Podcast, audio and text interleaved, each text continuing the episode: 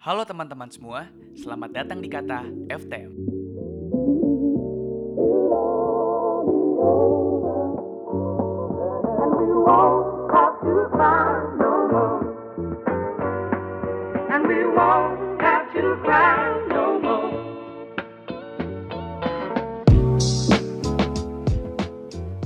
Hai Sobat FTM, kembali lagi di podcast Kata FTM bersama saya Rizky yang akan menemani Sobat FTM sekalian dengan informasi seputar mineral tentunya. Yang pastinya informasi ini berguna dan bermanfaat banget buat nambah wawasan kita semua. Hari ini aku mau ngebawa teman-teman semua untuk ngebahas hal yang sedang hype belakangan ini yaitu tentang pajak karbon. Nah, Sobat FTM tahu nggak apa itu pajak karbon? Jadi, pajak karbon itu merupakan pajak atas pembakaran bahan bakar fosil yang menghasilkan emisi CO2. Nah, pajak ini diterapkan untuk mengurangi climate change atau perubahan iklim yang disebabkan emisi karbon. Indonesia juga merupakan anggota United Nations Framework Convention on Climate Change atau UNFCCC yang mempunyai target menurunkan tingkat emisi sebesar 29% hingga 2030. Pemerintah akan memperlakukan pajak karbon untuk pembangkit listrik tenaga uap atau PLTU per tanggal 1 April 2022 yang terbagi dalam tiga grup.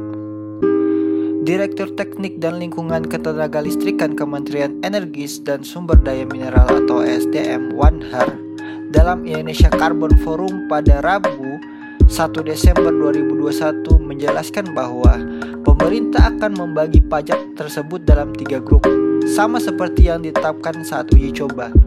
Uji coba batasan emisi dilakukan pada PLTU karena berdasarkan data realisasi Agustus 2021 yaitu PLTU menyumbang 65,64% dari total energi listrik nasional. Kemudian data per September 2021 PLTU menyumbang 47,4% dari kapasitas sistem pembangkit dari total terpasang nasional. Pertimbangan pembagian grup tersebut didasari oleh besaran kapasitas PLTU hingga teknologi yang digunakan. Sehingga kapasitas yang termasuk ke dalam tiga grup tersebut yaitu kapasitas PLTU di atas 400 MW, 100 sampai 400 MW, dan PLTU mulut tambang 100 sampai 400 MW. Sedangkan untuk nilai batasan emisinya sendiri untuk PLTU lebih dari 400 MW sebesar 0,918 ton CO2 per megawatt hour. Untuk PLTU 100 sampai 400 MW sebesar 1,013 ton CO2 per megawatt hour dan yang terakhir untuk PLTU mulut tambang sebesar 1,94 ton CO2 per megawatt hour. Wanhar menjelaskan juga Penerapan pajak karbon ini akan berada di angka Rp30 per kilogram karbon dioksida ekuivalen untuk PLTU yang memiliki kapasitas di atas 100 MW. Sekali lagi, grup di bawah 100 MW industri pembangkit sendiri captive power sementara belum akan dikenakan pajak karbon. Tapi ada wacana komprehensifnya capai NDC dalam masa diskusi.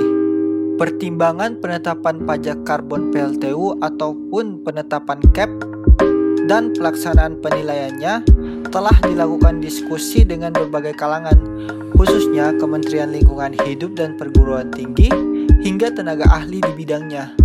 Wanhar juga mengatakan bahwa perdagangan karbon ini hanya sebagai salah satu instrumen saja. Tujuan utamanya adalah pengurangan emisi gas rumah kaca. Nah, itu dia sobat FTM. Udah pada ngerti kan apa itu pajak karbon? Harapanku pajak karbon ini sendiri penerimanya untuk air marking nantinya. Air marking sendiri itu artinya pajak karbon ini nanti digunakan untuk kegiatan-kegiatan tertentu yang dapat mendorong pengurangan emisi karbon tentunya. Misalnya untuk investasi pada mesin-mesin yang berteknologi green industry.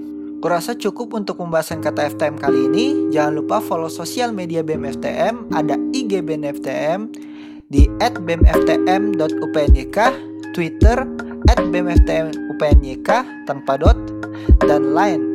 Klik link yang ada di profile lalu add official account kami yang ada di link tersebut. Biar terus dapat info seputar FTM tentunya maupun dunia permineralan.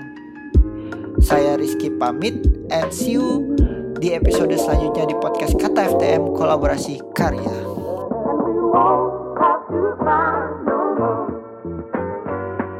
And to cry. No